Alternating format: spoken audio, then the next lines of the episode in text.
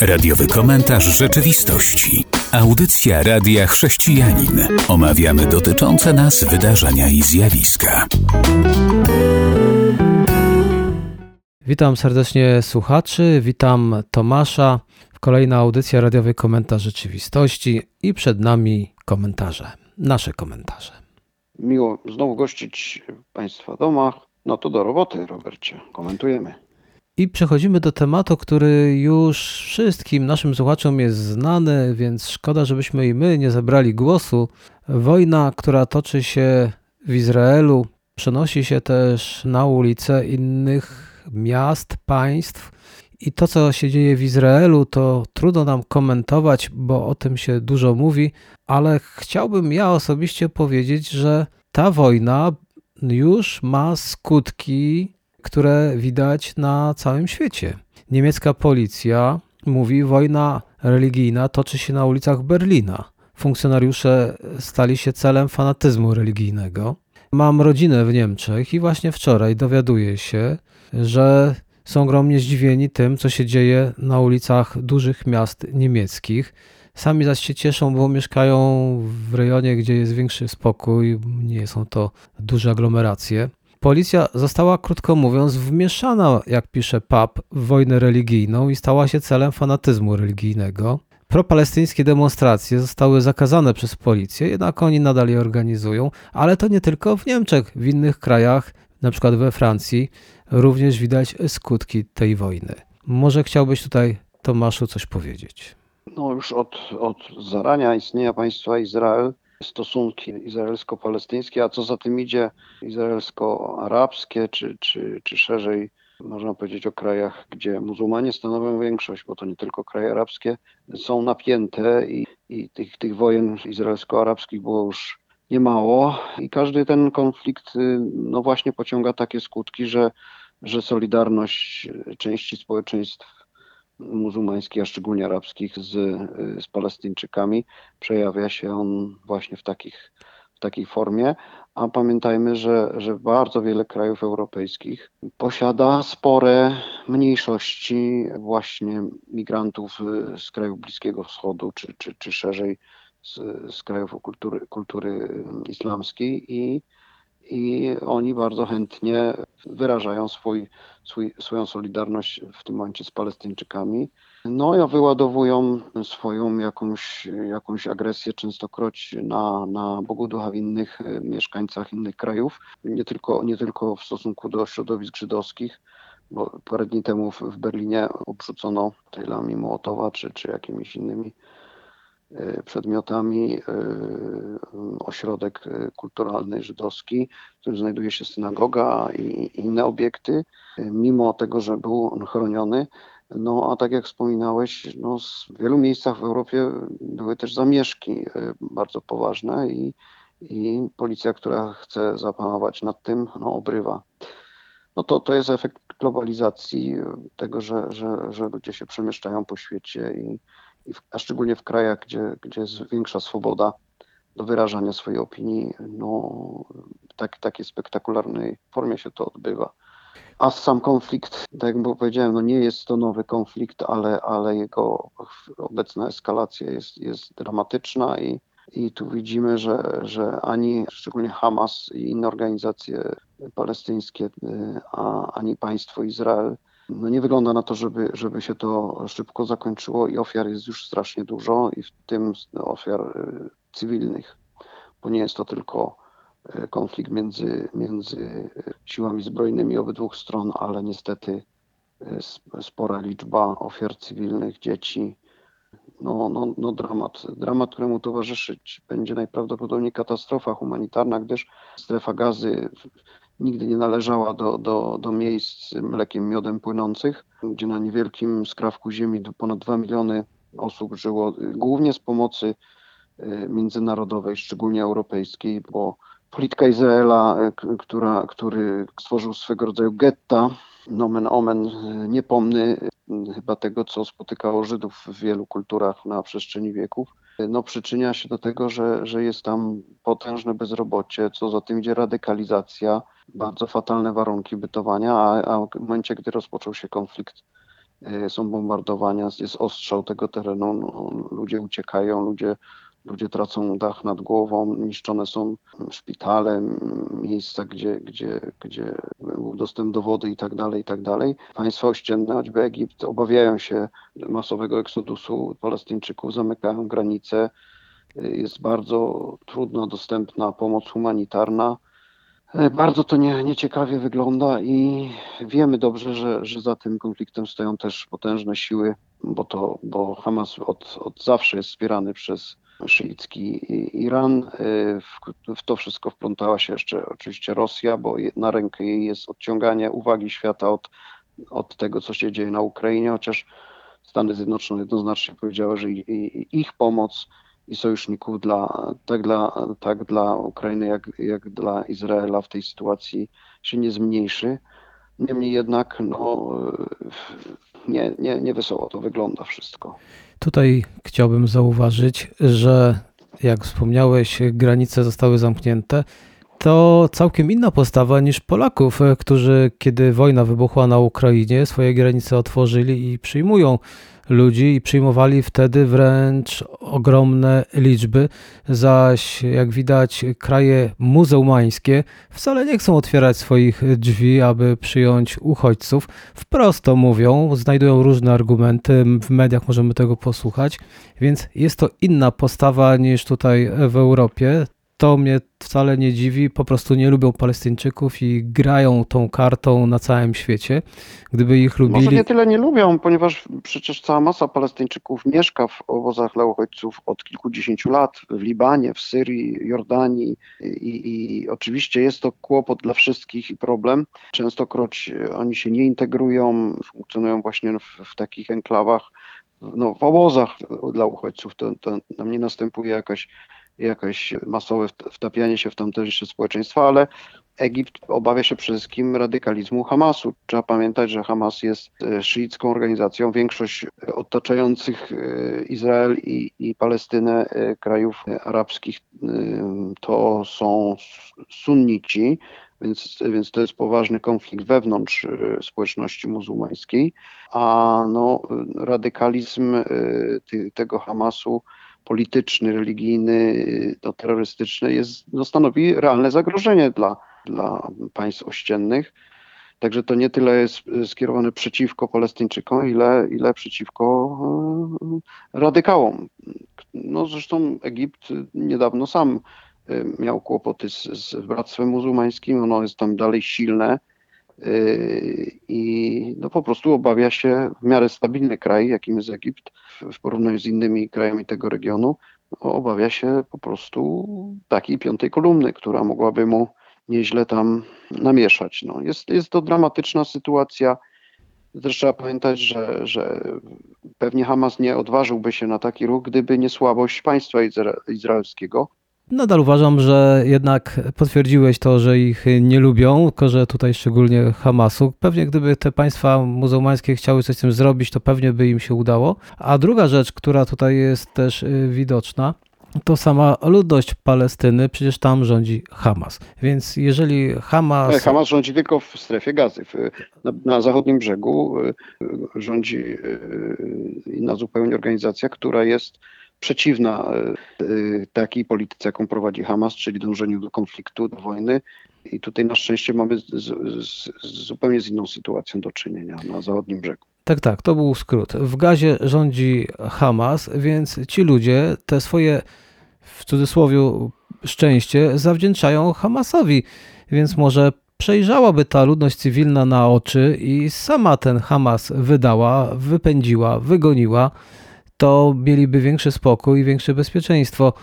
Jak więc widzimy, są pewne narody, pewne grupy, jak tutaj w tym wypadku, zastraszone, zmanipulowane.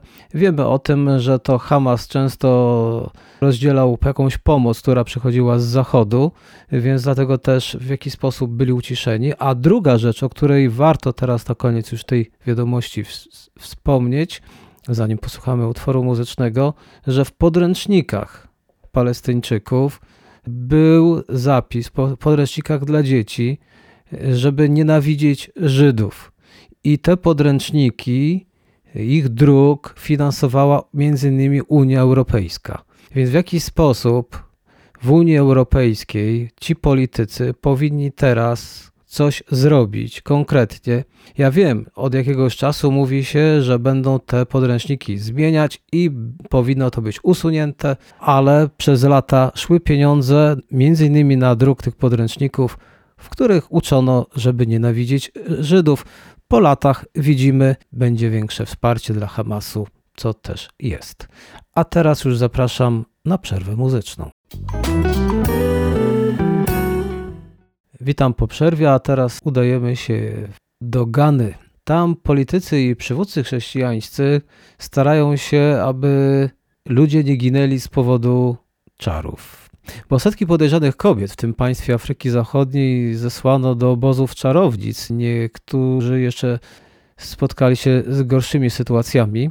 I w ostatnim tygodniu września rozeszła się wiadomość, że 60-letnia kobieta została zabita w swoim domu w północnej Ganie przez młodego krewnego płci męskiej, a to wszystko dlatego, że no czary, czary. I do morderstwa doszło po niedawnych wysiłkach przywódców chrześcijańskich i rządu Gany, którzy chcą, aby tak właśnie nie kończyły osoby, na które padnie oskarżenie o czary. To co to jeszcze za czasy mamy? No niektórzy by powiedzieli, no Afryka, Afryka dzika, no wszystko tam się może wydarzyć. No ale tutaj od razu zanim się wypowiesz, powiem, że tam nawet co niektórzy niedokształceni chrześcijanie zaczęli popierać takie zjawisko. Dobrze, że ci przywódcy, znaczący przywódcy powiedzieli, no dosyć takich praktyk i czas skończyć, y, ale był głośny przypadek pastora, który podpalił starszą kobietę oskarżoną o czary. I to było w 2010 roku. Zrobiło to oczywiście pięciu mężczyzn, w tym ten pastor. Czy oni naprawdę tak boją się tych kobiet? Znaczy to, to pokazuje, e, jak, jak w wielu społeczeństwach afrykańskich silna jest e, ta kultura duchowa. No oczywiście e, po zetknięciu się tych tradycyjnych wierzeń afrykańskich z wielkimi religiami monoteistycznymi, jak chrześcijaństwo i islam, to na tym styku to często iskrzy. Jeżeli, jeżeli właśnie to chrześcijaństwo czy islam tam gdzieś pojawiają się w formach dosyć konserwatywnych czy wręcz fundamentalistycznych, to niestety dochodzi do tak skandalicznych rzeczy, z którymi Europa sobie już poradziła kilkaset lat temu, ale też miała długo z tym problem, y, czyli właśnie oskarżenia o czary i wyciąganie z tego konsekwencji to dosyć dramatycznych, kiedy państwo nie tylko tolerowało, ale wręcz, wręcz funkcjonariusze państwa uczestniczyli w, w ściganiu osób oskarżonych właśnie o, o, o magię, o czary i sądy skazywały takich ludzi na nierzadko na karę śmierci. I tutaj należałoby wspomnieć, że, że w kulturze chrześcijańskiej ten proceder potrafił trwać aż do początków XIX wieku. Ostatnie czarownice w Europie spalono na obecnych ziemiach polskich w ówczesnym Królestwie Pruskim. Tutaj na sumieniu y, wiele czarownic od średniowiecza ma, mają i tak katolicy jak protestanci, a właściwie najdłużej Protesty o czary odbywały się w środowiskach protestanckich, szczególnie luterańskich. XVII, jeszcze XVIII wiek. A teraz w XXI wieku te same, te same rzeczy dzieją się na naszych oczach w kraju afrykańskim i, i tak jak wspominałeś, no niestety uczestniczą w tych, w tych obrzydliwościach też chrześcijanie albo osoby mieniące się chrześcijanami. No, najwyższy czas, by, by, by państwo to przerwało i raczej, e, raczej penalizowało tych, którzy kogoś o czary oskarżają i chcą wyciągać jakieś konsekwencje tak brutalne, jak, jak nawet e, pozbawienie kogoś życia. Więc nowoczesne państwo musi stać na straży wolności ludzi e, i, i, i, ich, no, ich bezpieczeństwa, chronić ich od, od wszelkich ekstremizmów religijnych, jakichkolwiek. Tutaj warto powiedzieć, bo dowiaduje się z serwisu Christianity Today, że zielonoświątkowcy z Gany wystąpili w obronie oskarżonych czarownic. My byśmy dzisiaj powiedzieli, no jak, jak, tak, zielonoświątkowcy i bronią czarownic. No tak, oni zabrali głos, a że mają tam duży potencjał, aby się wypowiedzieć, dlatego że ta grupa zielonoświątkowa, organizacja cała zrzesza 200 wyznań i para tak zwanych kościołów. No i oni wezwali do wprowadzenia nowych praw i takiej ogólnokrajowej dyskusji na temat tego, jak lepiej zaopiekować się tymi wdowami, które zostały wygnane w związku z oskarżeniami o współpracę z demonami. To się chwali, bo co innego jest pomóc osobie, która jest zdemonizowana, a co innego osobę, która jest zdemonizowana, wysłać w ogień. No to nie tędy droga. Ludziom należy pomagać. To symptomatyczne, o czym wspominasz, bo, bo środowiska pentekostalne no, mają niestety na sumieniu często wzniecanie takich, takich takiej atmosfery polowania na czarownicę, bo, bo w duchowości pentekostalnej te, ta, te, te zagadnienia właśnie, czary, duchy, magia czy reakcja na takowe no, stanowi ważną, ważną część tej duchowości. I, I na tym tle dochodziło i dochodzi w wielu miejscach na świecie do, do sporych nadużyć, więc y, dobrze, że, że przedstawiciele tych pentekostalnych środowisk w Ganie głośno się tutaj wypowiadają w obronie osób oskarżanych o czary, bo to, tak jak mówiłeś, no nie tędy droga, nie tędy droga, by rozwiązywać takie problemy. A teraz zapraszam na utwór muzyczny, po którym część trzecia naszej audycji. Witam po przerwie. Przechodzimy do Polski, ale zanim się to stanie, to chciałbym jeszcze na chwilę zajrzeć do Stanów Zjednoczonych. Tam przeprowadzono sondaż i jak to określili, alarmujący. Członkowie obu partii kwestionują demokrację, opowiadają się za przemocą. Tak brzmi nagłówek. A teraz o co chodzi?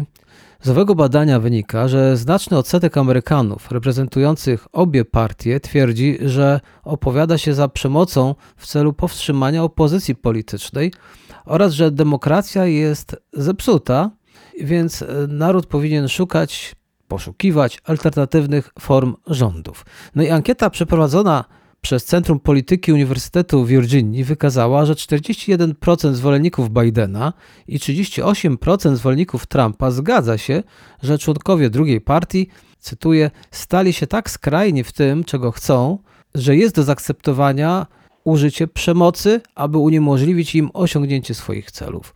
To tak patrząc, tam też się radykalizują, podobnie jak to niektórzy zauważyli w Polsce, także chyba jest to jakaś sprawa globalna. No, niestety na całym świecie widzimy y, kryzys demokracji liberalnej na rzecz rozwiązań autorytarnych lub y, przynajmniej takich, które rezygnują z tradycyjnych form deliberacji, rozważania, dialogu. I smutne, smutna jest konstatacja, że dotyczy to tak znacznym stopniu y, naj, jednej z największych wzorcowych demokracji, jaką, jak, jaką jest właśnie północnoamerykańska.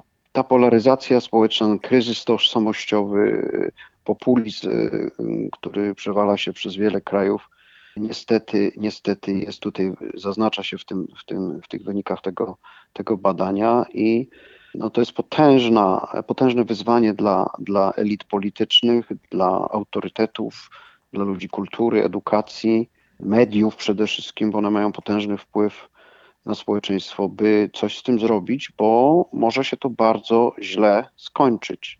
Przypominam, że najwięksi dyktatorzy XX e, wieku doszli e, do władzy w sposób demokratyczny, a potem tą demokrację całkowicie zdeptali i doprowadzili te, te społeczeństwa, a wręcz cały świat na, na krawędź mm, przepaści i kosztowało to bardzo wiele istnień ludzkich i, i no, potężne, potężne straty kulturowe, cywilizacyjne, ludzkie. Więc należy wyciągać z tego wnioski i w tym y, w kontekście myślę, że Polacy powinni się cieszyć, że tydzień temu tak, przy tak dużej frekwencji, niespotykanej od, od ponad 100 lat w Polsce, społeczeństwo zdaje się, że wybrało no, drogę łagodniejszą, właśnie odrzuciło takie roszczenia populistyczne na rzecz, na rzecz bardziej właśnie dialogującego sposobu rozwiązywania problemów społecznych. Miejmy nadzieję, że, że ta, to duże zainteresowanie kwestiami społeczno-politycznymi, ta partycypacja właśnie w wybieraniu władz no nie, nie, nie zostanie zaprzepaszczone.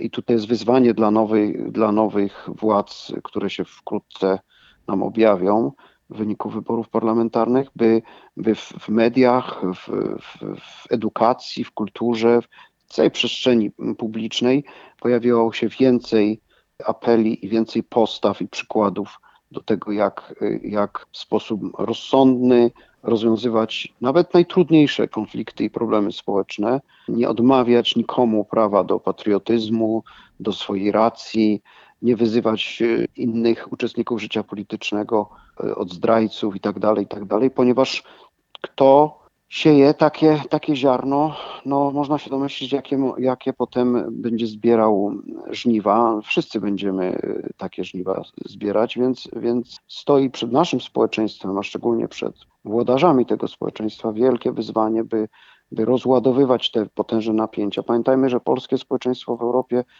należy do, do takiego, którym, w którym zaufanie wzajemne ludzi w różnych sferach życia, szczególnie w sferze społecznej, publicznej, jest jedno z najniższych. My, my sobie nie ufamy, my patrzymy na siebie z podełba. W ostatnich latach nastąpiła potężna polaryzacja, której nie, nie, nie mieliśmy przez kilkadziesiąt lat, lat, nawet w czasie komunizmu na taką skalę.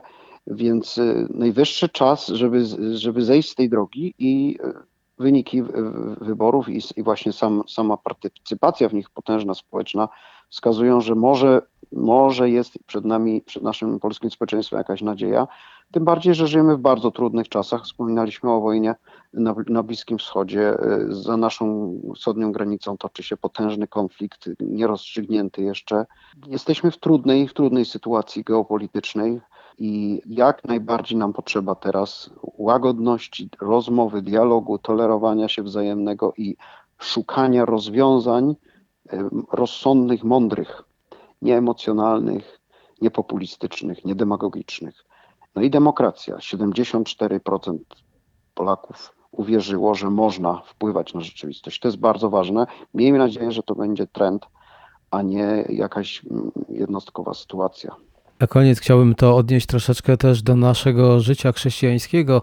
W kościołach też, jeśli będziemy się wpatrywać w tą polaryzację w polityce, żebyśmy my też się tak nie podzielili. Mamy przeróżne poglądy na Boże sprawy, na Ewangelię, ale to tym bardziej powinno nas zachęcać do rozmów ze sobą, do uprzejmych rozmów.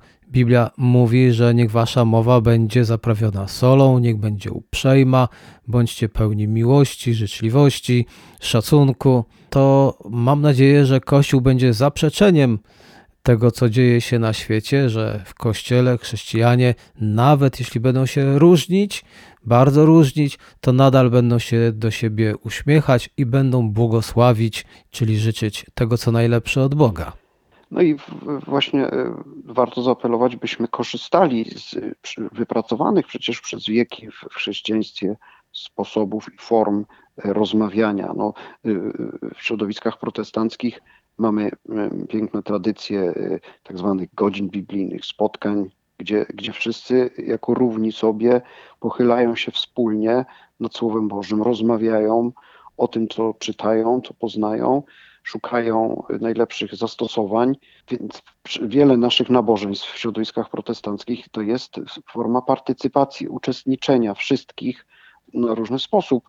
I to jest, to jest droga. Poznawajmy, szanujmy się wzajemnie, tak jak mówiłeś, błogosławmy się, bo wszyscy jesteśmy równi przed Bogiem i wszyscy jesteśmy e, jedno, jednakowo odpowiedzialni za, za siebie i za siebie nawzajem, za, za cały otaczający nas, nas, nasz świat.